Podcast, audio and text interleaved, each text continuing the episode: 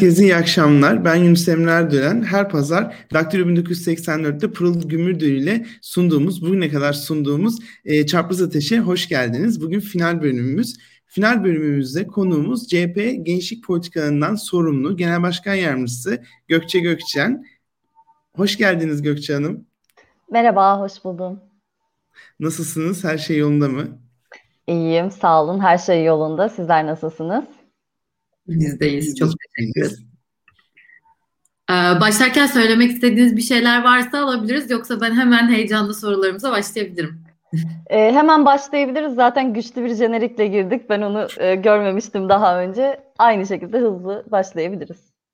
Tamam o zaman ben sizi bulmuşken aslında gençlere sizinle beraber olup da gençleri konuşmadan olmaz. İlk soru olarak da Türkiye'deki gençleri konuşmak istiyorum aslında size sormak istiyorum. Yani Türkiye'de gençler çok fazla kendilerini ifade etmek istiyorlar, çok fazla şey söylemek istiyorlar, konuşmak istedikleri çok fazla şey var. Ama ne siyasi arenada ya ne de diğer yerlerde kendilerine alan bulamıyorlar. Böyle bir sıkıntıları var.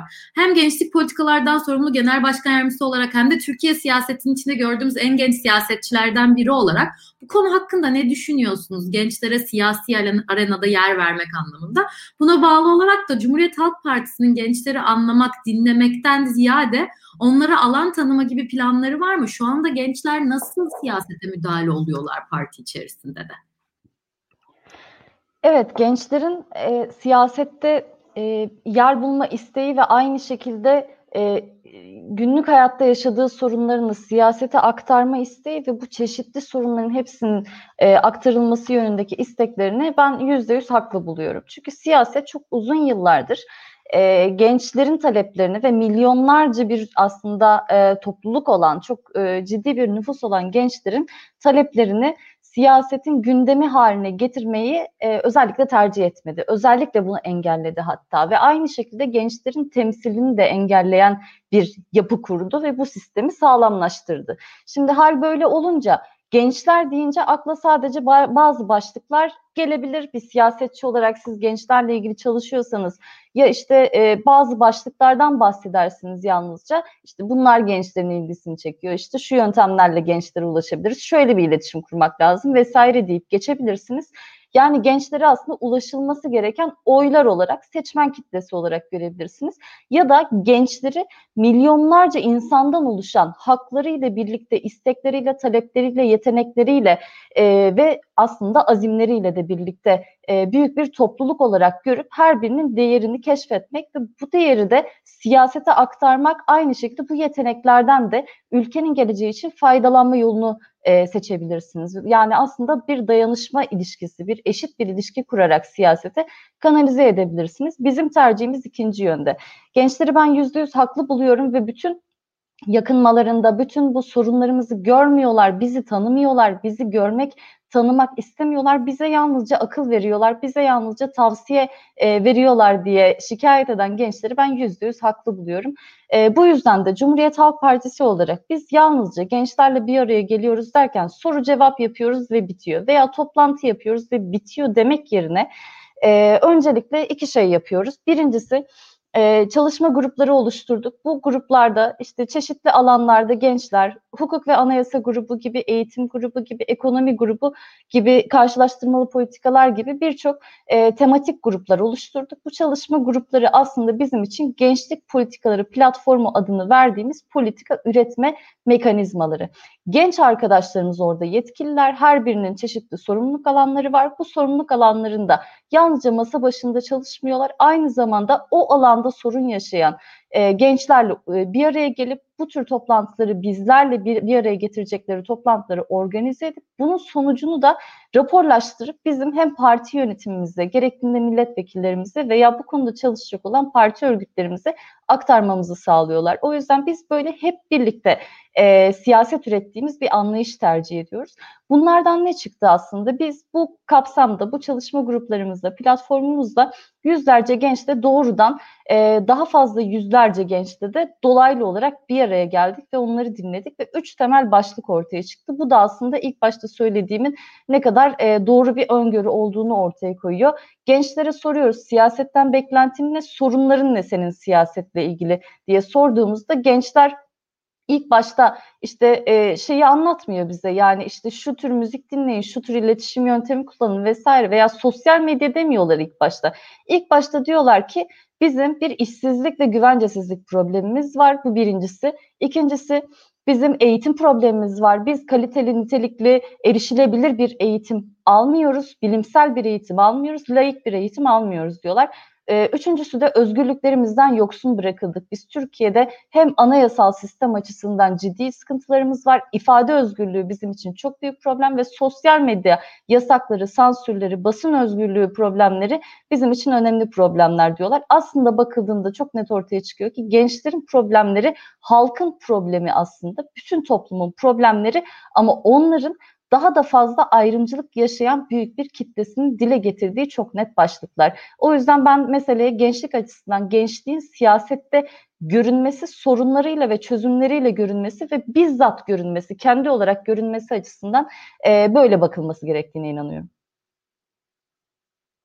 e, gençlik politikaları platformundan bahsettiğiniz aslında sorunuzda. Bu platformun bir rapor oluşturma süreci ve farklı gençlerden oluştuğunu belirttiniz. Peki şu anda önünüzdeki süreç nedir? Bu platformun önerdiği şeyler nasıl bir şekilde CHP'ye aktarılacak? Çünkü bu Türkiye'de pek sık rastlanır bir çalışma değil sanırım. E, bu kişiler parti içinden mi, parti dışından mı, nasıl bu somut bir şekilde CHP politikasına dönüşecek ve önümüzdeki günlerde bu platformu biz nasıl şekilde duyacağız? Bunu merak ediyorum. Evet, şimdi bizim bilindiği üzere bir gençlik kollarımız var. Aşağı yukarı bütün partilerin gençlik örgütleri bu şekilde gençlik meclisleri, gençlik örgütleri, gençlik kolları olarak adlandırılan örgütleri vardır. Bizim de var ve hakikaten ben de gençlik kollarından gelen e, bir siyasetçi olarak gençlik kollarının çok önemli bir yerinin olduğu ve daha da önemli bir, daha da etkili bir yerinin olması gerektiğine sonsuz inanıyorum. Ama bununla birlikte şu anki Türkiye'nin koşullarında şunu da çok net görüyorum. Herkes, her genç kendisini belli bir kimlik altında, belli bir siyasi kimlik altında hissetmiyor ya da ben Cumhuriyet Halk Partisi'ne destek olabilirim ama ben bu partiye katılıp katılmayacağımı, örgütlenip örgütlenmeyeceğimi e, daha sonra düşünmek istiyorum. Ya da belli iş sebepleriyle ya da fişlenme tedirginliği sebebiyle, işsizlik korkusu sebebiyle ki bu korkuların temelinde hep iktidarın politikaları yatıyor ne yazık ki. E, bu tedirginlikler sebebiyle de Cumhuriyet Halk Partisi örgütlerinde ben doğrudan politikaya katılma mekanizmalarında yer alamıyorum. Bu benim için engelleniyor iktidar tarafından diye düşünen gençler için e, bize katkı sunmak için e, isteyen gençler için aslında oluşturduğumuz bir platformdu.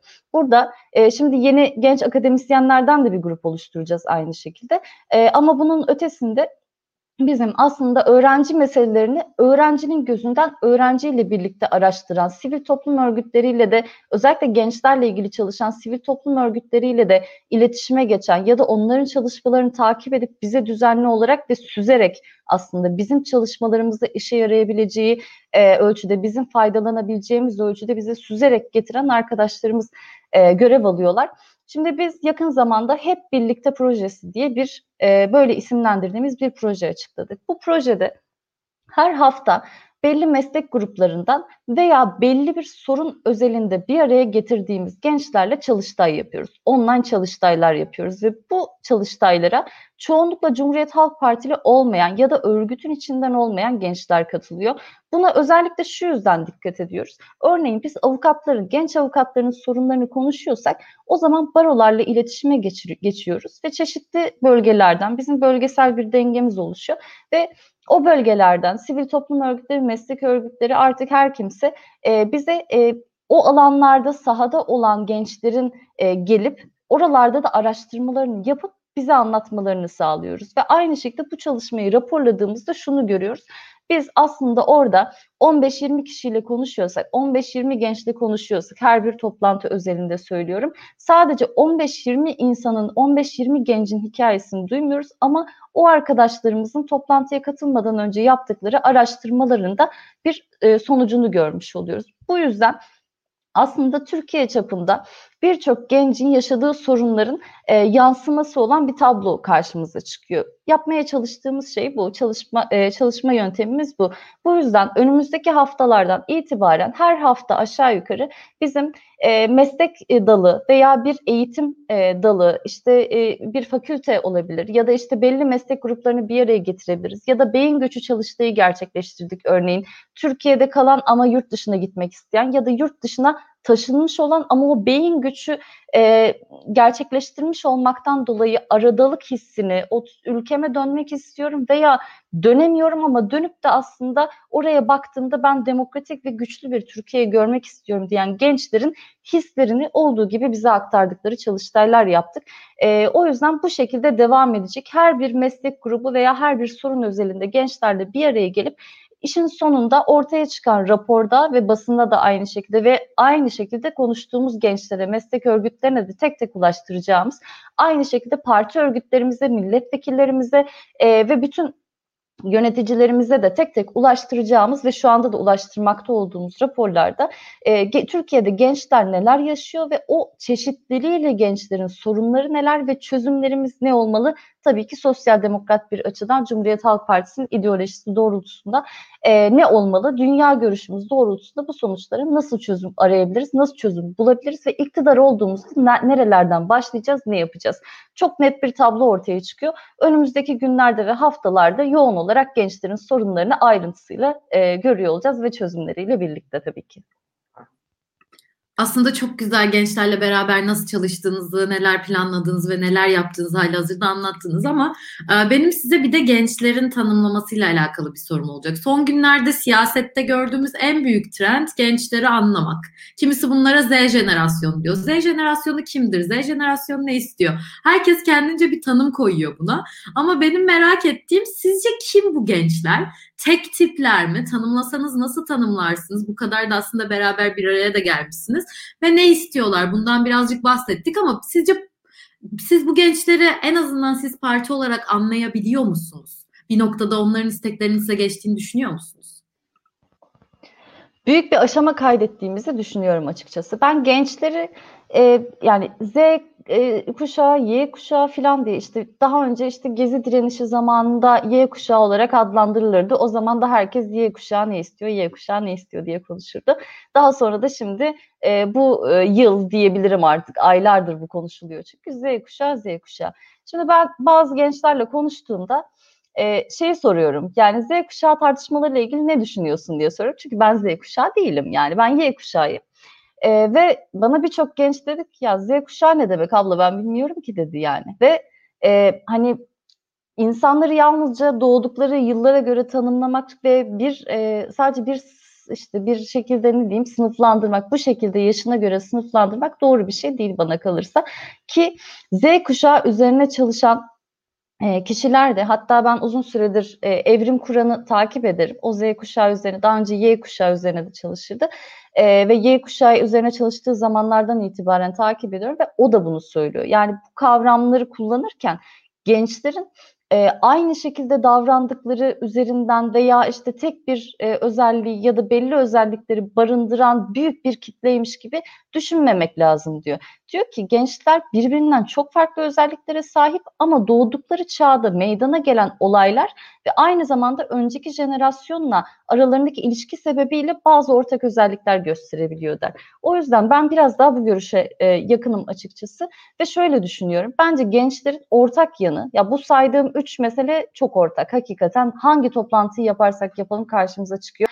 Eğitim, iş ve özgürlük. Yani bu üç talep hakikaten çok çok e, ön plana çıkan talepler ve bunun altını tabii ki her seferinde e, daha genişleterek doldurabiliriz. Ama bunun yanında bir de sürekli önceki kuşağın e, akıl veren durumda olması ve e, genç kuşağı sürekli şımarıklıkla e, ya da işte bazı şeyleri beğenmemekle e, ama aynı zamanda tembel olmakla suçlaması ya da işte sürekli teknolojiyle ilgilenmesinden rahatsız olması vesaire yani sürekli bize iletilen e, gençlere iletilen o şikayetlere karşı bir öfkemiz ve bir e, tepkimiz var bizim ve haklı bir tepki olduğunu inanıyorum ben. Çünkü eğer önceki kuşaklarımız bize e, kendi tavsiye verdikleri kadar e, iyi örnek olmuş olsalardı ya da iyi bir e, çalışkanlık örneği, iyi bir organizasyon veya demokrasiye iyi bir sahip çıkma örneği göstermiş olsalardı şu an biz bunları yaşamıyor olacaktık. Bu bir.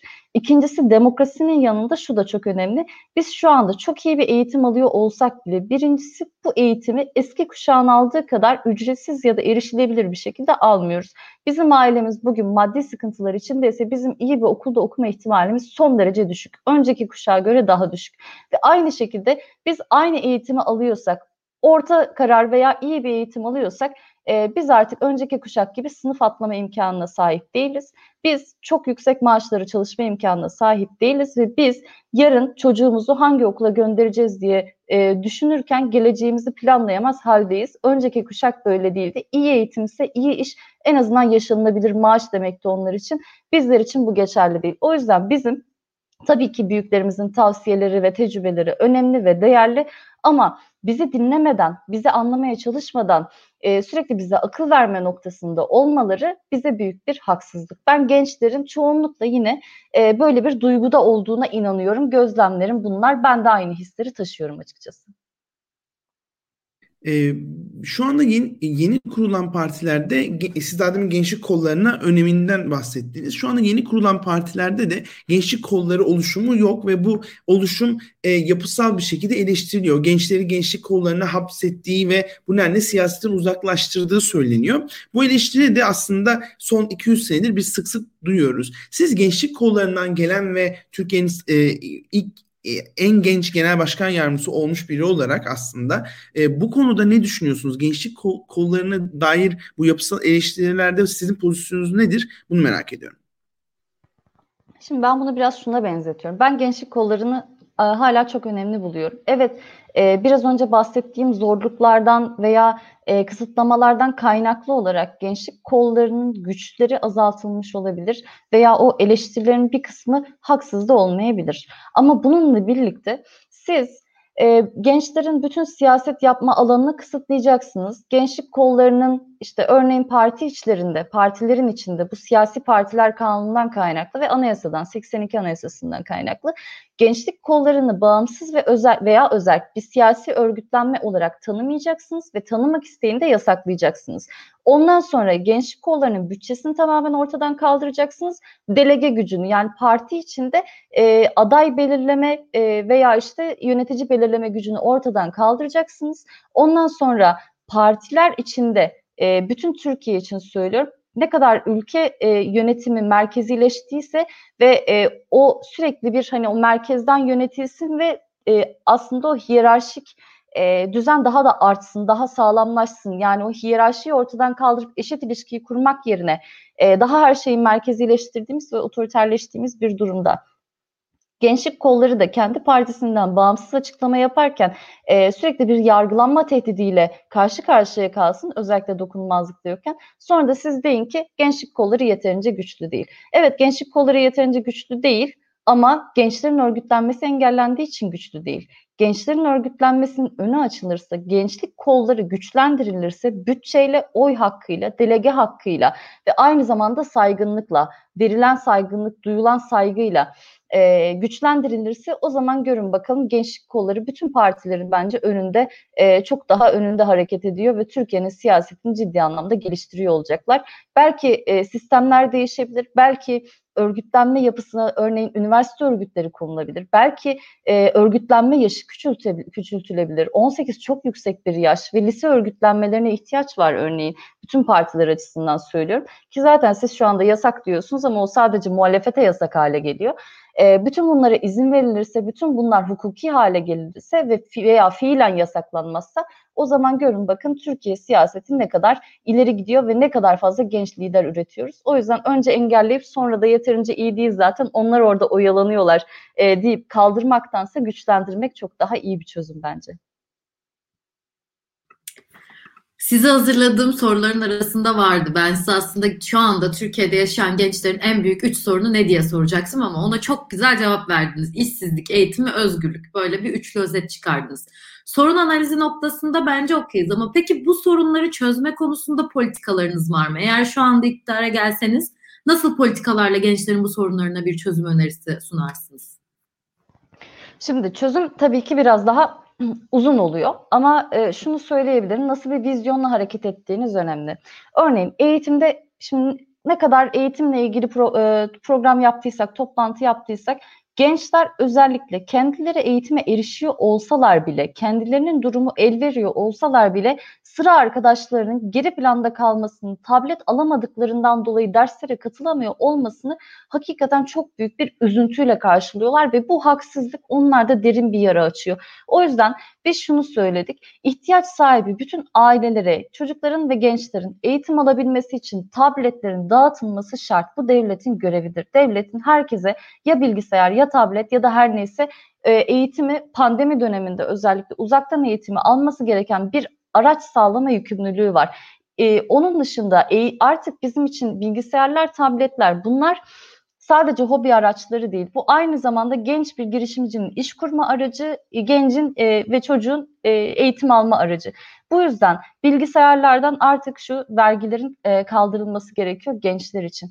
E, bununla birlikte genç girişimcilerle bir araya geldik ve bize şundan sürekli şikayet ettiler. Ben açıkçası şaşırdım çünkü bir numaralı bahsedecekleri şeyin e, çoğunlukla vergilerin e, olmasından e, olmasını bekliyordum açıkçası toplantı öncesinde ama daha fazla hukuk güvenliğinden e, ve e, belli yasal düzenlemelerin yokluğundan söz ettiler. Elbette vergilerden de söz ettiler ama şunu da söylediler açıkçası. Yani tabii ki biz vergi ödememe gibi bir e, amaçta değiliz ama ödenecekse de en azından neyin ne zaman ödeneceğine dair de bir öngörü olması gerekiyor.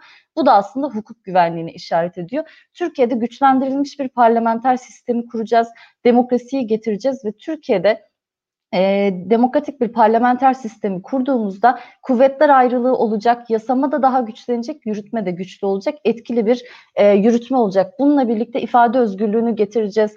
E, gençler sosyal medyada paylaşım yapmaktan çekinmeyecekler ve bunu düşünmek yerine kendi geleceklerini tasarlamak için enerjilerini harcayacaklar. Eğitim meselesi çok önemli. Eğitimin bilimsel bir şekilde ve planlı bir şekilde ele alınması ama e, konunun uzmanlarıyla birlikte ele alınması ve kısa ve uzun vadeli planlar yapılması, bu doğrultuda adımların atılması gerekiyor. Her bir bakanla veya her bir seneyle tekrar tekrar değişen eğitim programlarındansa hakikaten Türkiye'de bir olan eğitimde yanlış giden neler var bunun tespiti. E, artık sadece eşitsizliklerden bahsetmiyorum, müfredatın içeriğinden de bahsediyorum. E, buna işte evrimin çıkarılması, bilimden uzak e, veya işte zorunlu din eğitimi vesaire gibi büyük problemler de dahil. Ama onun dışında biz çağa uygun yenilikçi neler koymalıyız eğitim sistemine? Bunu ancak bilim insanları bilebilir. Bu e, bilim insanlarıyla çalışarak iyi bir eğitim sistemi, nitelikli ve laik bir eğitim sistemi getireceğiz. E, aynı şekilde iş meselesi önemli. Tabii ki e, iş konusu sadece e, hukukun üstünlüğüyle çözülecek değil, e, sosyal devleti de aynı anda güçlendirerek, gençleri eşit şartlarda hayata hazırlayarak ama aynı zamanda da e, Türkiye'de e, genç e, girişimcileri veya e, yatırımcıları destekleyecek, gençlerin istihdamını destekleyecek projeleri ortaya koymak gerekiyor. Genç işsizliğini bir günde çözmek mümkün değil belki ama şu anda çözmeye dair hiçbir plan olmadığı için ortada sadece işte şeylerden bahsediyorlar. Şurada destekleyeceğiz, burada destekleyeceğiz. Genç işsizliği olmuş yüzde 40 hala bizde somut bir plan vermiyor iktidar. Biz bir an önce bunun çalışmalarına başlayacağız iktidarımızda ve aynı zamanda şöyle bir eksiklik tespit ettik. Teknoloji liseleri bütün organize sanayi bölgelerinde kurulacak ve bunlar iş garantili olacak. Çünkü organize sanayi bölgelerinde iyi bir planlamayla iyi bir istihdam sağlayabileceğimizi fark ettik ve burada e, sigortaları devlet yatıracak, yatılı olacak bu e, teknoloji liseleri ve orada yetişen gençler e, iş e, iş konusunda bir soru işareti bu, e, hissetmektense e, isterlerse iş bulacaklar. Orada tek, e, organize sanayi bölgelerinde teşviklerle bir şekilde iş imkanı sağlanacak ya da kendi alanlarında eğer okumak istiyorlarsa da öyle bir avantajlar olacak üniversite hayatlarında. E, aşağı yukarı böyle e, şey yapabilirim. Yani yapılacak çok şey var, heyecanlıyız da e, umarım bu şekilde özetleyebilmişimdir kısaca. Çok iyi özetlediniz. İnşallah onlar da olur, olur yani çok güzel bir şekilde anlattınız. Ben de gaza geldim dinlerken. Ee, şey şimdi bu en son aslında e, gençlik politikalarından çıkıp birazcık daha genel başlıklara geleceğiz de burada siz e, CHP'deki e, üst kademe de yönetimdeki kadınlar ve kadın milletvekilleri olarak aslında bir kanun teklifi e, önerdiniz. Ve bu kanun teklifine göre e, partilerin adaylarının %50'si kadın olacak. Ve bu sadece %50'sinin kadın olması değil bunun bir fermuar yöntemiyle yani bilmeyen izleyicilerimiz için işte bir 10 kişilik bir listenin bir numara kadın, iki numara erkek, üç numara kadın şeklinde bir gitmesi ve böylece seçilebilecek yerlerde de %50 kadın aday gösterilmesi yöntemini öngören bir yasa tasarısı önerdiniz. Bu büyük ihtimalle muhalefetin çoğu yasa tasarısı iyi ya da kötü olsa da geçmeyeceği için mecliste kabul edilmeyecek eğer çok farklı bir şey olmazsa. Bu kabul edilmediği durumda da Cumhuriyet Halk Partisi bu yöntemle mi genel seçimlere gidecek? E, erken olursa veya zamanda olursa e, bu yöntemin aynısı gençlik açısından da farklı bir şekilde uygulanacak mı? Bu konuda da bir planınız var mı? Şimdi bu çok önemli bir konu. Ee, çok kısa şeyi tekrar edeyim. Yasa teklifi bizim için çok önemli. Bir iki ekleme yapacağım. Ee, bu yasa teklifi hazırlanırken Türkiye'de 300'ü aşkın kadın örgütüyle iletişime geçtik ve onların fikirlerini aldık. Bizim çeşitli kadın yöneticilerimiz özellikle ve genel başkanımız bu konuda çalıştılar. Aynı zamanda akademisyenlerden destek aldık ve parti örgütlerimizden destek aldık. Aslında ortaya çıkan bu yasa teklifi bütün bu e, örgütlerden ve bütün bu e, danışma zincirinden diyeyim e, süzülüp gelen bir yasa teklifi. Bu yüzden ortaya üç temel şey çıktı. E, yerel genel seçimler, yerel ve genel seçimlerde adayların belirlenmesinde kadın erkek e, eşit temsil. İkincisi bu yetmiyor çünkü e, eğer alt sıralarda kadınlarla dolduruyorsanız o zaman seçilecek yer koşulunu taşımamış oluyor. Seçilecek yer diye bir şeyi de önceden koyamadığımız için fermuar sistemi oldu. Ne oldu? Örneğin kadın varsa devamlı erkek sonra kadın sonra erkek sonra kadın diyerek seçilecek yer koşulunu %50 e, şey yapmış oluyoruz, sağlamış oluyoruz ve bununla birlikte eğer denetim yoksa, yargısal denetim veya seçim yargısı denetimi diyelim, yoksa eğer o zaman bu uygulanmayabilir, keyfiliğe e, de mahal bırakmamak lazım. Bu yüzden e, bir seçim kurulu denetiminde yasa teklifimize ekledik. Şimdi e, bu e, muhalefetten geldiği için işte gözünü kapatıp e, iktidar partisi milletvekilleri reddedecek olabilir. O kısmını bilmiyorum. Ama e, bu kadar doğru, bu kadar toplumun uzun süredir ihtiyacını dile getirdiği bir yasa teklifi, bu kadar da katılımcı ve örnek bir süreç yürütülerek e, ortaya konulmuşken ve 8 Mart gibi bir günde ana muhalefet partisinin genel başkanı Sayın Kemal Kılıçdaroğlu ilk imzasını atıp net bir mesajı ortaya koyduysa o zaman öncelikle onlar zaten reddedecek sonra biz ne yapacağız diye düşünmek yerine bunu kabul ettirmemiz gerekiyor. Bunun bu yasa teklifinin peşine düşmemiz ve bütün partilerin buna evet demesini sağlamamız gerekiyor diye düşünmemiz gerekir diye düşünüyorum. Çünkü e, bu çoğunlukla seçimlerden önce de olur. İşte yerel seçimlerden önce de siz kaybederseniz ne olacak falan diye çok sorular gelirdi. Biz diyorduk ki hayır biz kaybetmeyeceğiz yani. Çünkü biz kazanmak istiyoruz ve bizim bir veya işte bu seçim iptal edildikten sonra ya da mazbata verilmeden önce örneğin İstanbul'da e, ay bizim hakkımızdır bu ve alacağız. Yani diğer ihtimaller ayrı. Hani en kötüsü gerçekleşebilir ve yine bir plan olur ortada. Ama biz ortada çok net, çok doğru bir iş yapılmışsa, çok net bir hakkımız varsa ve kadınlar olarak bu bizim artık çok gecikmiş bir hakkımız. Ee, bu yani yıl olmuş 2021 hala eşit temsil için olmazsa da ne olur falan diye düşünüyoruz. Bu kadar net bir şey ortadayken bizim bu talebi toplumsallaştırmak ve hiçbir partinin de buna hayır demeye cesaret edemeyeceği bir ortamı yaratmak hepimizin sorumluluğu diye düşünüyorum. O yüzden ben önce bu kısmına bakıyorum ama ikincisi e, eğer işler olumsuz giderse o zaman Cumhuriyet Halk Partisi uygulayacak mı? Vallahi uygulasın diye elimizden gelen her şeyi yapacağız Cumhuriyet Halk Partili kadınlar olarak. Tam kadınlar olarak diye sözünüzü bitirmişken de şöyle bir soru sormak istiyorum size. Türkiye'de kadın olmak her yerde zor.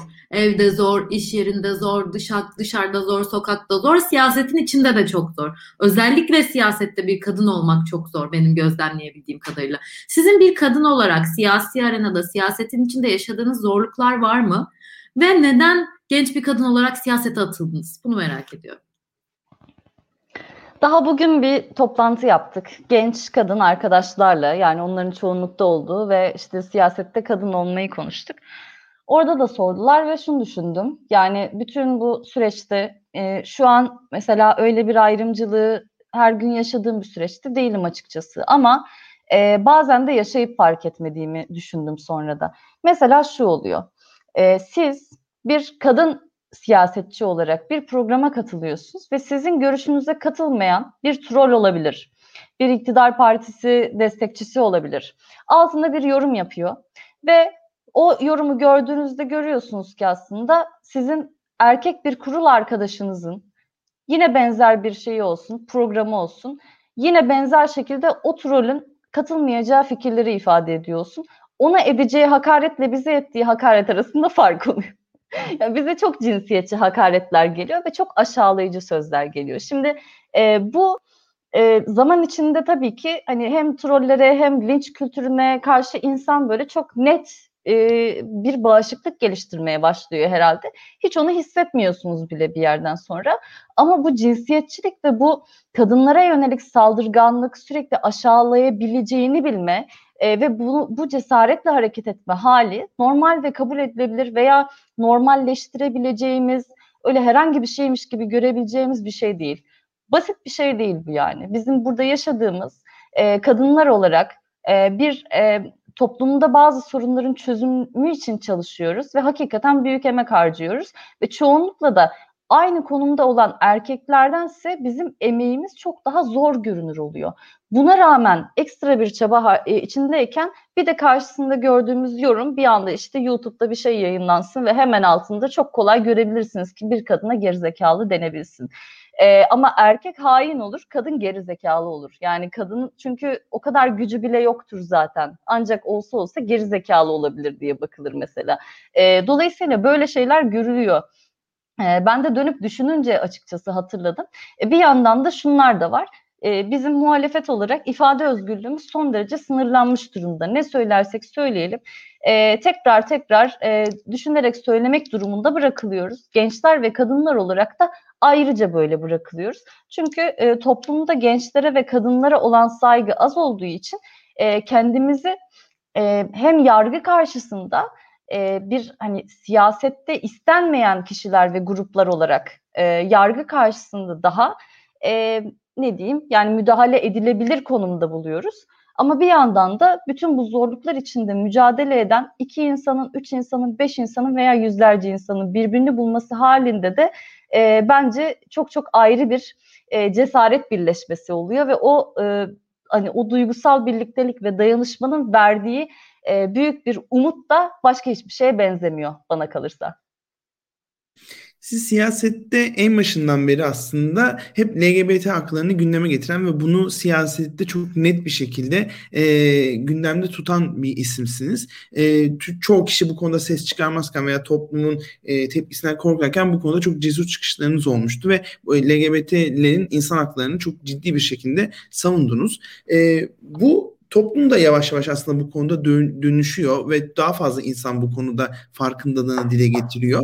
E, peki şunu sormak istiyorum. Siz kendi e, partinizde bu tuta, tutarınızı hep koruyan bir isim olarak CHP'nin bu konudaki dönüşümünü nasıl buluyorsunuz? Ne eksiklikler var ve bugüne kadar gelinen konumu geçmişte kıyaslayınca nasıl e, buluyorsunuz? Diğer partilerde henüz bu tartışmalar olmadığı için Cumhuriyet Halk Partisi sözlerinde soruyorum.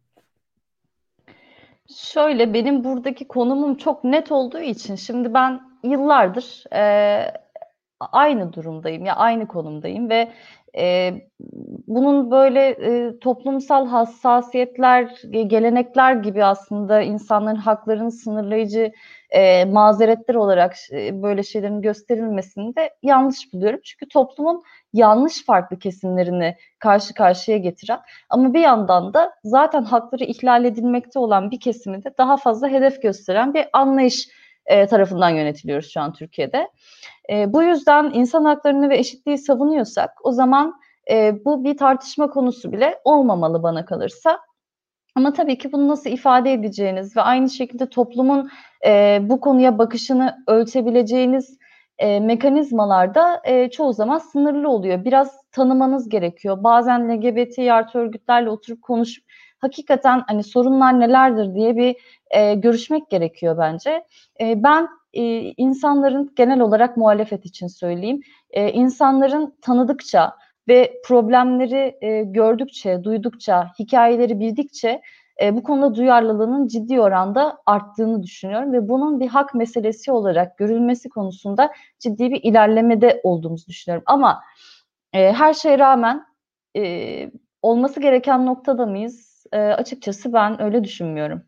E, bu konu böyle. E, bir de e, biraz önce bir soruyu atladım. E, Pırıl'ın sorduğu. Onu şimdi hatırladım. İsterseniz onu da çok kısa cevap vereyim. E, ben ilk başta siyasete atılmayı düşünmüyordum ya da siyasete girmeyi e, ve işte bir siyasetçi olarak kendimi tanımlamayı düşünmüyordum. E, ama şeyde e, lisedeyken işte e, biraz böyle haberleri falan takip ediyorduk ve işte bir yandan sınav sistemi, bir yandan işte yatılı bir okulda okumak ve idarenin bizimle ilgili özgürlüğümüzü kısıtlayıcı kararlar alması. Buna karşı bizim tepkilerimiz ve karşılaştığımız geri tepkiler. Sonra yaşam alanlarımızın ortadan kaldırılması, gittiğimiz yerlerin e, bir şekilde kapanması ya da kapatılması ya da kültürün e, yaşadığımız kentin kültürünün e, işte bilinçli olarak değiştirilmesi gibi sebeplerden ve aynı şekilde tabii ki Türkiye'nin genel e, yönetilme anlayışının da çok yanlış olduğunu düşündüğümden dolayı bir yerinden başlamak istedim ve 2010 yılında e, Cumhuriyet Halk Partisi'ne katıldım. E, ve liseyi yeni bitirmiştim ve üniversiteye daha başlamamıştım ama hukuk fakültesine girecektim belliydi. Ve hukukla ilgilendiğim için referandum çalışmaları benim için çok önemliydi. Çünkü e, bu tür bir anayasa değişikliğinin Türkiye'nin gidişatı için hiç iyi olmadığına inanıyordum.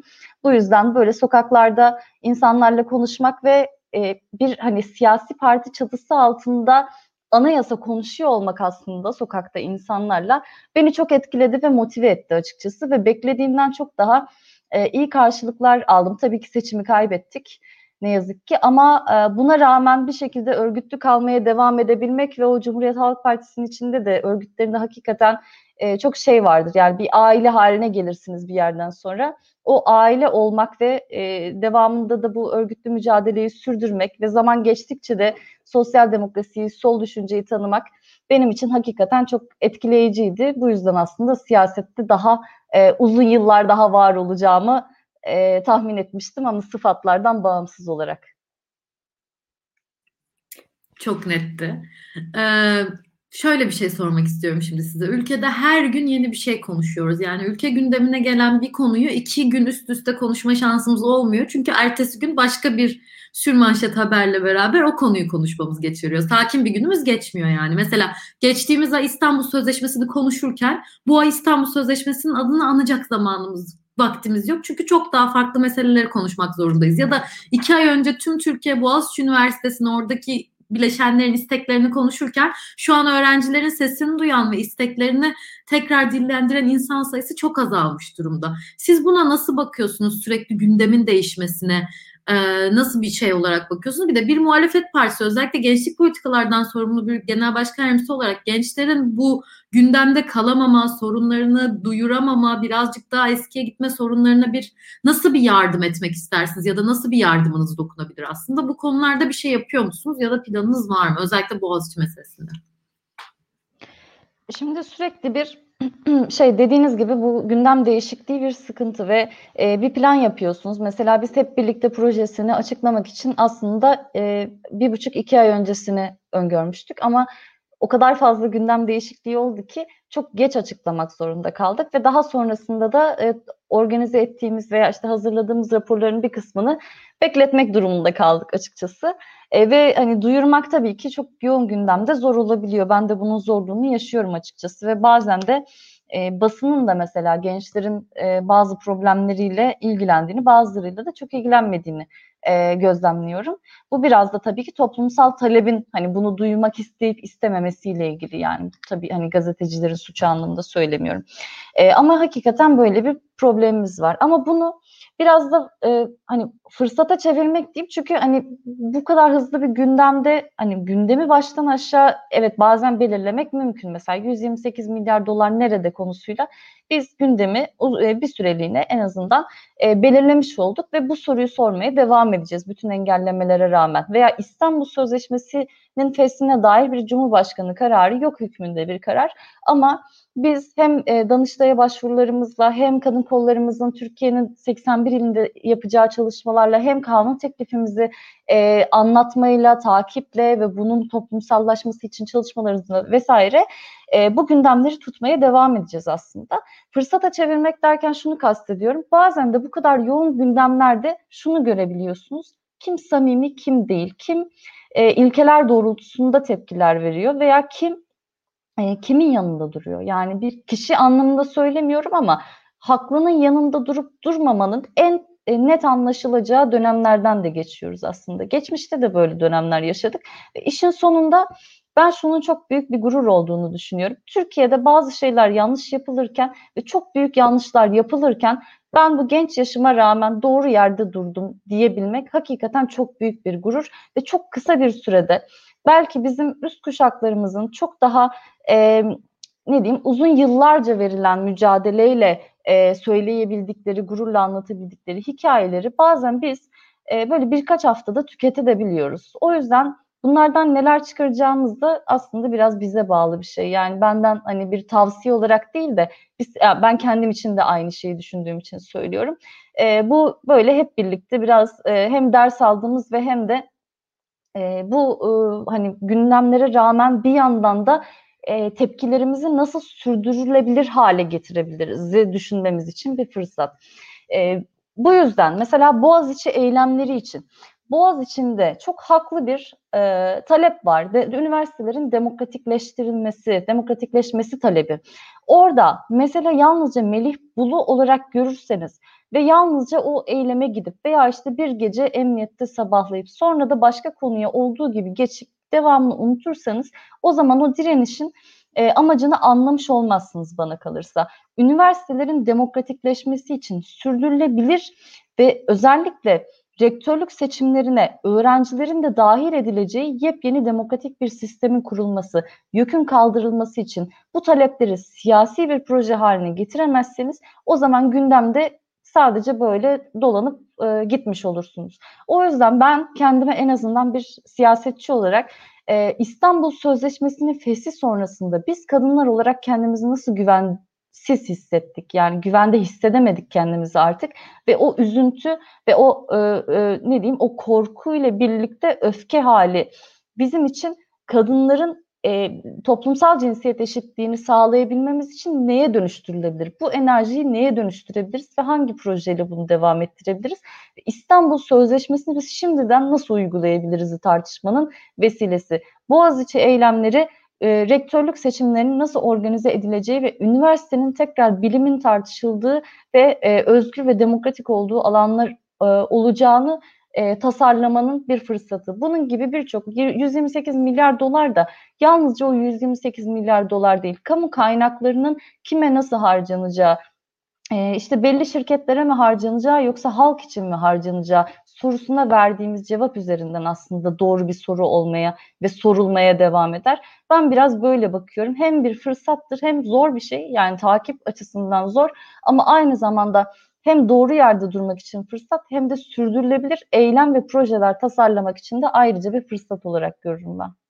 Bu sorunuza değindiniz ama bu üniversitelerin e, özelliği meselesi 1980'den beri oldukça tartışılan e, işte YÖK'ün kurulması, kaldırılması ve bunun siyasetteki iz düşümü çok tartışılan bir mesele. Size çok değerli bir aslında akademisyensiniz aynı zamanda anayasa hukuk alanında. Bu günün sonunda e, üniversitelerdeki özelliğin sağlanması için CHP iktidara gelince somut olarak neler yapacak? E, bir bize bir genel tablo çizer misiniz? Çünkü sanki bu üniversite özelliği meselesi ne çok e, geçiyoruz ama birazcık daha somutlarsak belki bir yol haritası da çıkabilir diye düşünüyorum. Birincisi Cumhuriyet Halk Partisi olarak iktidarımızda YÖK'ü kaldıracağız. Yok çünkü şu anda üniversitelerin hepsinin e, aslında hem yönetimleri ama yönetimlerin ötesinde e, yönetilme anlayışının bir siyasi e, anlayış doğrultusunda ve siyasi zorlama, endoktrinasyon doğrultusunda e, ilerlemesini ilerlemesine sebep olan bir kurum. O yüzden YÖK'ün kaldırılması gerekiyor ve üniversitelerin yalnızca aralarında eşgüdümü sağlayabilecek ve çok daha az yetkili ve bilimsel alanlarda e, çalışacak bir e, kurul, kurula ihtiyaç var. O yüzden YÖK'ün kaldırılması gerekiyor. Bu birincisi. YÖK'ü biz kaldıracağız. E, ikincisi rektörlük seçimlerini geri getireceğiz. Çünkü üniversitelerde biz öğrencilerle konuştuğumuzda ve akademisyenlerle de konuştuğumuzda aynı zaman ki ben ben de araştırma görevlisi olarak çalışıyorum hala. Hepimizin yaşadığı bir şey. Eğer rektör bir parti genel başkanı tarafından atanıyorsa veya bizim dönemimizde zaten Cumhurbaşkanı parti genel başkanı falan olmayacak ama e, bu sisteme geçene kadar diyelim en azından bir e, parti genel başkanı tarafından atanan rektörler dönüp tekrar o parti genel başkanına kendini sorumlu hissettikleri için ve aşağılarda neler oluyor işte fakülteler ne durumda bilim üretiliyor mu diye bakmak yerine kimin ben ne kadar kadrolaştırırım, ben kendi yakınlarımı ne kadar kadroya yerleştiririm ki o insanlar da benim işlerimi görsün diye bakar. Daha da başka bir e, şeye kolay kolay bakmaz. E, çünkü bütün ilişkiler aslında tamamen kişisel ve siyasi e, ilişkilere dayalı, liyakatten uzak ve bilimsellikten, akademik mantıktan uzak bir şekilde ilerliyor. Bu yüzden rektörlerin e, e, üniversiteler içinde e, demokratik seçimlerle belirlenmesi gerekiyor. E, biz şunu söylüyoruz, üniversiteler üç açıdan özel olacak. E, idari özellik, bu bahsettiğim YÖK'ün kaldırılması ve aynı zamanda e, yönetsel özellik, e, bu seçimlerin gelmesi, e, mali özellik, yani kendi bütçelerine karar verebilmeleri, araştırmaları harcayacakları bütçeleri ve hangi bilimsel projeleri yapacaklarına karar verebilecekleri bir özellik alanından bahsediyoruz. Ve bilimsel özellik ifade özgürlüğü, hocalarımızın ihraç edilmediği siyasi görüşlerinden ve imzaladıkları bildirilerden dolayı ihraç edilmeyeceği e, ve akademik özgürlüklerinde güvence altında alınacağı bir Türkiye'nin inşa edilmesi lazım. Biz Cumhuriyet Halk Partisi olarak bunu yapacağız.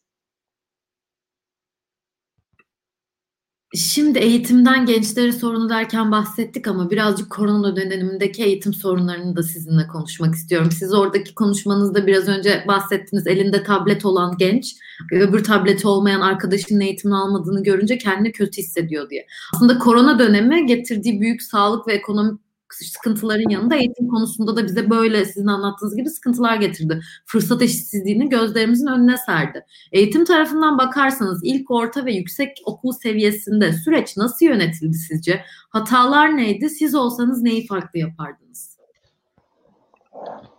Şimdi o kadar fazla hata var ki yani ne yazık ki e, hani böyle başlamak istemiyorum ama şimdi ben bir ev ziyaretinde bir aileyle tanıştım ve bana şunu söylediler. E, benim işte üç çocuğum var dedi genç bir anne ve çocukları da küçük. İlkokula gidiyorlar ve dedi ki ben çocuklarımın arasında tercih yapmak zorunda kaldım. Hangisi eğitim alacak, hangisi almayacak diye. Çünkü yeterli tabletimiz, bilgisayarımız yok. Ve küçük çocuk ki çocukla da tanıştım. Çok tatlıydı gerçekten. İkinci sınıfa gidiyormuş normalde ama sene başından bu yana hiçbir derse katılmamış.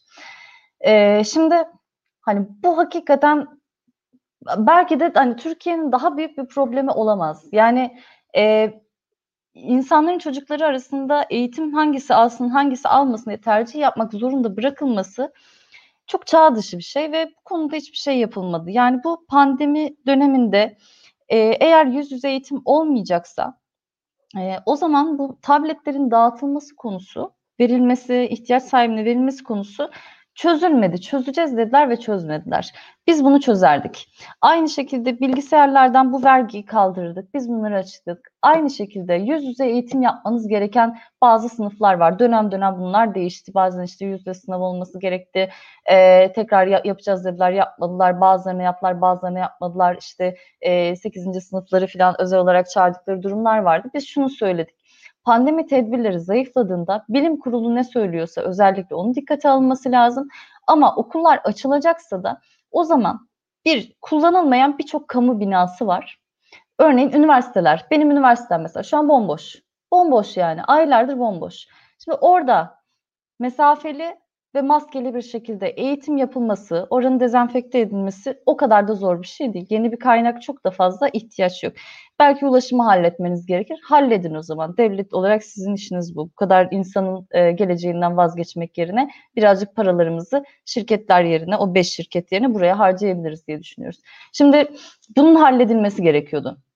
E, bu halledilmedi. Biz aynı zamanda şunu söyledik Cumhuriyet Halk Partisi olarak. Bakın biz muhalefetteyiz ama bizim yönettiğimiz birçok belediye var. Biz belediyelerimizde istiyorsanız e, sınıflar açarız. Yani bize arsa gösterin ve biz e, artık konteynerlarla mı nasıl olacaksa bina mı yapılacak bize işte bir şekilde e, gösterin, arsa gösterin ve biz bina yapalım ve bu sınıfları açın. Eğer eğitim sorunu, bu tablet sorunu çözemiyorsanız, internet sorunu çözemiyorsanız o zaman bu sınıfları açmanız lazım. Biz yapalım dedik, bize yaptırmadılar. Biz iktidarda olsaydık bunu yapardık. Biz hiç kimseyi geri planda bırakmayacağımız bir eğitim pandemide bir e, eğitim sistemi organize ederdik. E, aynı şekilde tabii ki e, bu hani planlama konusunda ve duyuru konusunda ciddi sorunlar vardı. Çünkü Milli Eğitim Bakanı'na e, bakıyorsunuz milyonlarca tweet atılıyor ve Milli Eğitim Bakanı'ndan tek bir ses yok ve sonra Milli Eğitim Bakanı'nın e, bir yerlerde işte zaten benim çok fazla yetkim yok dediğini duyuyoruz ya da bazı yerlerde de işte e, bazı kararlar alındığını duyuyoruz. Sonra Cumhurbaşkanlığından e, bir sözcü açıklama yapıyor ve o kararlar baştan aşağı değişiyor. Okulların tatil olduğunu bakın çok ciddi bir mesele resmi gazeteden öğrenemiyoruz. Cumhurbaşkanlığının sitesindeki basın duyurusunun metninin içinden öğreniyoruz. Bu rezaleti kesinlikle yaşatmazdık. Biz bir kere eğitim hakkı bir insan hakkıdır ve kanunla sınırlandırılması gerekir. Mecliste bu planlamayı kanunla yapardık ve bütün partilerin de bir araya geldiği ama aynı zamanda kanunların da biz Cumhuriyet Halk Partisi olarak ilgili uzmanlarla birlikte yapılması gerektiğini, komisyonlarda işte pedagogların ya da işte eğitimcilerin olacağı, eğitim örgütlerinin ve sendikaların olacağı, öğretmenlerin de temsil edildiği Hatta mümkünse öğrencilerin de temsil edilci, edildiği bir sistemle bir eğitim planlaması yapardık. Böyle olsaydı zaten sonradan ortaya çıkmış gibi davranılan ama ilk başta olacağı çok net e, görülen bazı sorunlar en başta görünmüş olurdu ve bir gün şöyle yapacağız, bir gün böyle yapacağız demezdik. Son olarak bilim kurulu bununla çok ilgili. Biz bilim kurulunu öncelikle bağımsız yapardık. Bilim kurulunun e, ya da özerk yapardık diyeyim e, bilim kurulunun açıklamalarının yayınlanıyor olması lazım ve aynı şekilde bilim kurulunun tavsiyelerinin uygulanıyor olması lazım. Bilim kurulunun içinde şu an kimin ne söylediği belli değil ve e, işin sonunda Sağlık Bakanı bile yetkili değil, Cumhurbaşkanı yetkili. Cumhurbaşkanı kim, sağlıkçı mı? Değil. Biz de bilim insanları karar verdi. Tekrar söylüyorum eğitimcilerle sağlıkçılar ortaklaşacak ve bir eğitim planı çıkaracak. Biz de onun bütçesini halledeceğiz ve bütün çocukların eğitim almasını sağlardık. Bunu yap yapardık biz Cumhuriyet Halk Partisi olarak. Ee, sürem doluyor galiba. Ee, çok ciddi bir problem ama yani bütün gençlerin şikayet ettiği ve ailelerden de çok ciddi şikayetler aldığımız çok üzücü bir süreç yönetimi oldu hepimiz için. Çok güzel bir şekilde aslında özetleyip çözüm önerinizi sundunuz.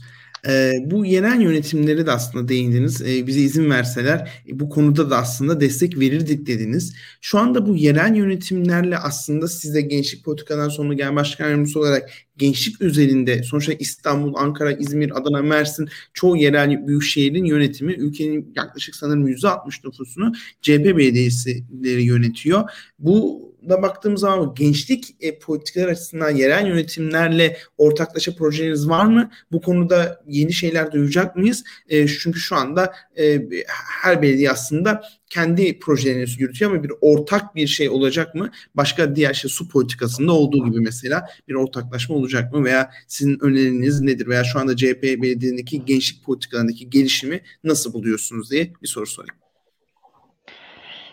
Şimdi burada aslında her bir bölgenin kendine özgü özellikleri var.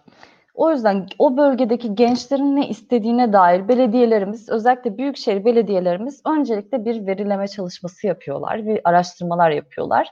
E, ve onun sonunda talepler hangi noktada yoğunlaşıyorsa bu doğrultuda gençlik merkezleri, işte e-spor merkezleri vesaire bu tür yerler açıyorlar ya da ortak çalışma alanları e, gibi veya kütüphane eksikliği birçok yerde karşımıza çıkıyor. Örneğin kütüphane ve çalışma alanları konusunda belediyelerimizin e, destekleri ve hizmetleri var ama e, şu şunlar bizim için çok önemli. Yurt. Olabildiğince fazla yurt açılması için, öğrenci yurdunun açılması için çok ciddi ve acil bir ihtiyaç var. Bu yüzden biz Cumhuriyet Halk Partisi olarak belediyelerimizde e, olabildiğince fazla yurt açılması için e, yönlendirmede bulunuyoruz ve e, bu, bunun karşısında tabii bazen işte e, bakanlık yetki alanı, bazen işte şey olabiliyor, böyle bir e, belli bir alan belirlenmesi gerekiyor. Aynı şeyi kreşler için de söyleyeceğim. O alanların bulunması ve doğru yerin tespit edilebilmesi konusunda e, sürekli aktif çalışmalar var şu an e, bizim bütün belediyelerimizde büyükşehir belediyelerimizde. E, burs meselesi önemli. Yıllarca bize dediler ki Cumhuriyet Halk Partisi bursları kestirdi. Sonra anlaşıldı ki şu an biz bursları verebiliyormuşuz. Belediyeler bize geçince anlaşıldı. Demek ki bu hukuka aykırı değilmiş. Bu sadece AKP'nin istemediği bir şeymiş kendileri belediyeleri yönetirken. E, binlerce öğrenciye burs veriliyor şu anda belediyelerimiz tarafından. E, aynı şekilde e, istihdam ofisleri kuruluyor. Bu da çok önemli çünkü işsizlik çok e, ciddi bir problem. Şu anda genç işsizliğinde geniş tanımlı ve e, 34 yaşa kadar baktığımızda ki aslında genç tanımını biraz genişletmek gerekiyor. Yüzde 40'ları geçtiğini görüyoruz genç işsizliğin. Zaten birçok gencin şu an e, resmi rakamlarda yüzde 25, yüzde 26, yüzde 27 şeklinde gidip gelen bir e, genç işsizliği rakamı var. E, bu bile çok ciddi bir e, rakamken çok daha yüksek seviyelerde olduğunu görüyoruz gerçek işsizliğin. Bu yüzden Evet ekonomiyi biz şu an yönetmiyoruz merkezi yönetim bizde olmadığı için ama yerel yönetimlerimiz en azından bu planlama konusundaki eksikliği gidermek için e, bir e, çalışacak kişiyi arayan e, işverenle e, genci, iş arayan genci buluşturabilecek ve doğru planlamayı yapacak veya o iletişimi sağlayabilecek doğru kanalları ve güvenilir kanalları her şeyden önemlisi kurmak ve o ortak mekanizma içinde e, birçok genci iş sahibi yapmak e, gibi bir e, gayrettiler. Bunu e, çok yaygın olarak yapıyoruz ve bunlarla birlikte şu da çok önemli bence. Bu gençler için yapılan şeylerin ötesinde bir de gençlerin hassasiyetleri doğrultusunda yapılan şeyler önemli diye düşünüyorum ben. E, iklim konusunda, doğa konusunda Cumhuriyet Halk Partili belediyeler hakikaten e, açıkçası benim de çok ayrıntısını e, bilimsel olarak bilmediğim ama sürdürülebilir enerji konusunda, iklim konusunda ve İstanbul özelinde de Kanal İstanbul'un yapılmaması konusunda ciddi çalışmalar içindeler. E, aynı şekilde kadın konusu çok önemli. Gençler için daha da önemli çünkü eşit bir e, eşit bir şekilde yaşayabileceğimiz bir Türkiye'de e, yaşamımızı sürdürmek istiyoruz. Kadın konusunda e, birçok belediyemizde e, çalışmalar var. Hem danışma evleri hem sığınma evleri konusunda kadınlara hukuki yardım konusunda, barolara e, erişime destek konusunda e, yani kadını şiddetten koruyabilecek ve kurtarabilecek mekanizmaların kurulması konusunda ama aynı zamanda kadını evinden çıkarıp e, emeğini satabileceği ve bunun karşılığında ekonomik bir kazanç sağlayabileceği kooperatiflerin desteklenmesi gibi bunların birçoğunun aslında gençleri de etkilediğini görüyoruz. Doğrudan veya dolaylı olarak Aynı şekilde e, kreş yani kreş, yurt ve burs konusu e, gördüğünüzde Cumhuriyet Halk Partisi'nin e, bu konuda aslında her yerde ortak olarak çalışma yürüttüğünü tespit edebilirsiniz. E, sosyal bir devlet anlayışı, güçlü bir sosyal devlet anlayışından bahsediyoruz biz merkezi politikalarda ama aynı şekilde yerel yönetimlerde bizim için bunları uygulamamızın e, belli alanları. Pandemi döneminde tabii ki çoğunlukla e, sağlık konusunda çalışmalar öne çıkmış olabilir ama bir yandan da sürekli devam eden gençler için dediğim gibi istihdam ofisleri, kütüphaneler, çalışma alanları, e, gençlik merkezleri, yurtlar ve e, burs çalışmaları gibi birçok e, çalışma e, mevcuttur. gündemin sürekli değiştiğini ve sürekli yeni bir şeyleri konuştuğumuzu biraz önce bahsettik bundan zaten ama CHP, Cumhuriyet Halk Partisi haftalardır 128 milyar dolar meselesini gündemde tutmak için parti binalarına pankartlar asması olsun, gençlerin yaptığı web sitesiyle bize 128 milyar doları harcatmak olsun. Çok farklı birbirinden pek çok farklı şey e, çalışmalar yapıyor aslında gündemde tutmak için. Sonrasında da hem hükümet partisinden hem de Merkez Bankası'ndan birbirinden oldukça farklı sayısız açıklama aldı bu çalışmaların bir sonucu olarak parti. Parti olarak özellikle bu 128 milyar meselesine eğilmenizin sebebi neydi? Şu an günümüzdeki Türkiye'deki en büyük sıkıntı bu 128 milyar doların cevabını almak mı sizce? Bir de bu çalışmalarla halka siz bu sıkıntının, bu paranın hesabı sorulması gerektiği noktasını anlatabildiniz mi? Ve daha sonra da devam edecek mi bu çalışmaları Cumhuriyet Halk Partisi'nin? Şimdi bu 128 milyar dolar meselesi çok önemli bir mesele. Neden? Çünkü öncelikle kamu yönetiminde ve ekonomi yönetiminde özellikle de ekonomik krizin e, ekonomik buhran haline aldığı, bu kadar ciddi, ciddileştiği bir dönemde e, şeffaflığın hiç olmadığı e, bir yönetim anlayışını işaret ediyor bir kere. Yani bir soru soruyoruz ve cevabını alamıyoruz. E, ve aynı şekilde bir aslında basit bir soru. 128 milyar dolar nerede, nereye gitti diye soruyoruz. Ve bu soruda bir e, hakaret yok, bir tehdit yok, bir eleştiri bile yok. Tek bir soru var. Ve buna rağmen pankartlarımız Cumhurbaşkanı hakaret e, iddiasıyla alındı. Hepsi söküldü. E, ve bu konuda işlemler işte çeşitli işlemler yapıldı, tutanaklar tutuldu, emirler verildi, talimatlar verildi vesaire. Şimdi aynı zamanda dolayısıyla hem şeffaf olmayan bir yönetimi gösteriyor, hesap vermeyen bir yönetimi gösteriyor ve çok büyük bir paranın hesabını vermeyen. İkincisi ne kadar hukuksuz bir yönetim tarafından idare edildiğimizi gösteriyor Türkiye olarak. Aynı şekilde halk bu kadar yoksulken giderek e, aileler temel ihtiyaçlarından mahrum kalmışken insanlar e, bu kadar fazla sayıda kişi e, açlıktan veya işsizliğin getirdiği bunalım halinden dolayı e, hayatına son verirken yani aslında açlık veya yoksulluk dediğimiz şey gerçekten de ekmeğe, e, yemeğe erişim konusunda yaşanan sorunlar haline gelmişken bu kadar lüks içinde yaşayanların ve bu kadar e, kendini çocuklarını, torunlarını ve onların da torunlarını zengin edecek kadar zenginleşmiş kişilerin bu kadar büyük paraları e, bir şekilde yok ederken, bir şekilde bunların nereye gittiğini hesabını vermezken e, bu kibiri gösteriyor aslında bizi. Yani bu eşitsizliği, bu e, yoksul halk ile büyük yani milyonlarca zorluk yaşayan kişiyle yöneticiler arasında, bir avuç yönetici arasında aslında ne kadar büyük bir uçurum olduğunu işaret ediyor. Aynı şekilde vatandaşın da çok temel bir, bu sadece bizim Cumhuriyet Halk Partisi olarak sorduğumuz bir soru değil. Çeşitli siyasetçiler de sordu başka partilerden de ama halk da gerçekten merak etti.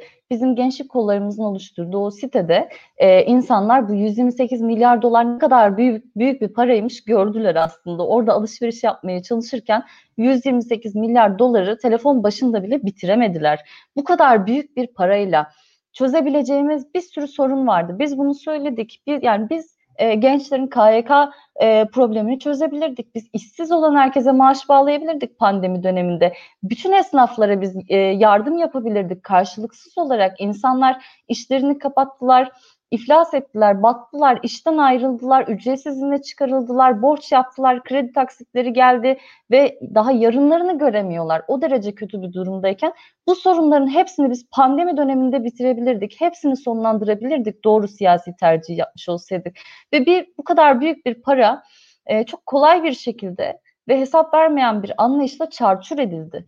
Bu yüzden bizim en doğal hakkımız muhalefet olarak ama aynı şekilde bizim hem pankartlarımızla insanlar gördü hem internet sitelerimizde aynı şekilde e, bir Ramazan davulcusunun da manisiyle sormaya başladığı çok haklı bir soru 128 milyar dolar nerede sorusu biz sormaya devam edeceğiz ve bütün vatandaşların da, bütün yurttaşlarımızın da bu soruyu sormaya hakkı var. Çünkü o parada hepimizin emeği var, hepimizin ödediği vergilerle, hepimizin harcadığı parayla dönen bir ekonomi şu an az çok dönüyorsa, en azından yaşayabiliyorsak bu e, milyonlarca insanın sayesinde oradakilerin değil.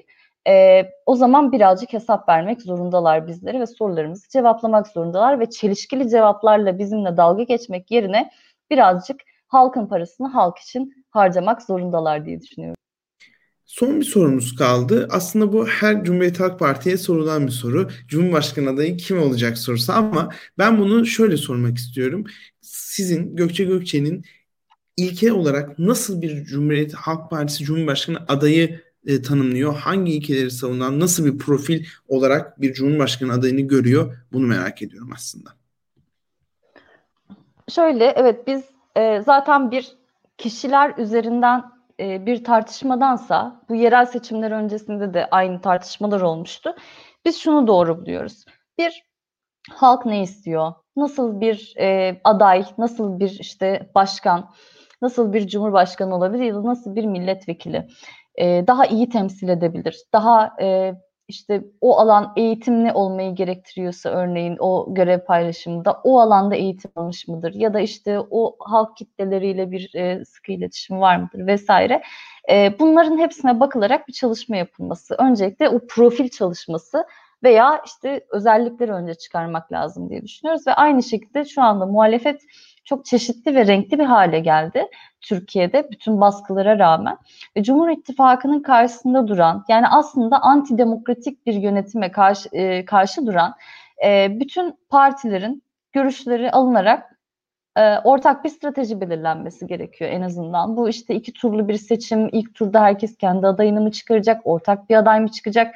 E, işte ikinci turda mı ortaklaşılacak vesaire gibi sorular aslında hepimizin böyle kendi aramızda e, değerlendirerek yani çeşitli görüşlerden kişiler olarak ve partiler olarak hepimizin kendi arasında değerlendireceği e, bir konu. O yüzden net şu anda bir e, isim üzerinden tartışmak doğru değil. Tam tersine sistem ve ilkeler üzerinden tartışmak doğru olandır e, diye inanıyorum. Hani benim e, Cumhurbaşkanı e, için düşüneceğim en önemli şey e, şu an demokrasiye inanıyor olması. Çünkü şu anda e, biz e, bana kalırsa e, demokratik parlamenter sisteme inanmayan ya da demokrasiye inanmayan herhangi bir adayla e, insan haklarına inanmayan herhangi bir adayla yola çıkarsak e, diğer bütün haklarımızın da kaybolduğu, e, birçok hakkımızın gasp edildiği bir süreçte e, yeterince ileriye götüremeyiz diye düşünüyorum. O yüzden e, ifade özgürlüğüne inanan, demokrat olan, eleştiriye açık ve aynı şekilde e, hayal kurabilen bir insan olması gerekiyor. E, hani gelecekte bazı şeyler işte şu anda e, şey değil işte şu an koşullar buna el vermiyor demektense büyük hayaller kurup gerçekleştirebilecek tarzda e, bir siyasetçinin ben Cumhurbaşkanı olmasını çok isterim. Çok teşekkür ederiz. Ee, bizim final bölümümüze, son bölümümüze konuk oldunuz. Ee, umarım memnun kaldınız. Ee, sizin de bir son sözlerinizi e, alırsak sonra biz de seyircimize veda edeceğiz. Umarım siz de memnun kalmışsınızdır. Ee, tebrik ediyorum. Formatınız e, çok iyi. Adapte olmak da biraz zor. Belki 5 e, dakikaya sıkıştıralım diye ben çok hızlı konuşmuş olabilirim. O birazcık e, hile yapmak gibi oluyor ama e, umarım ben de derdimi anlatabilmişimdir. Herkese çok e, sevgilerimi, saygılarımı sunuyorum. E, sizin de en son programınız. Bütün bu projenizden dolayı aslında daha önceki programları da e, hızlıca göz atmıştım. O bütün hepsinden dolayı sizi de çok tebrik ediyorum e, ve başarılar diliyorum. Çok teşekkür ederiz. Ağzınıza sağlık. Geldiğiniz için de kırmadığınız için de çok teşekkür ederiz.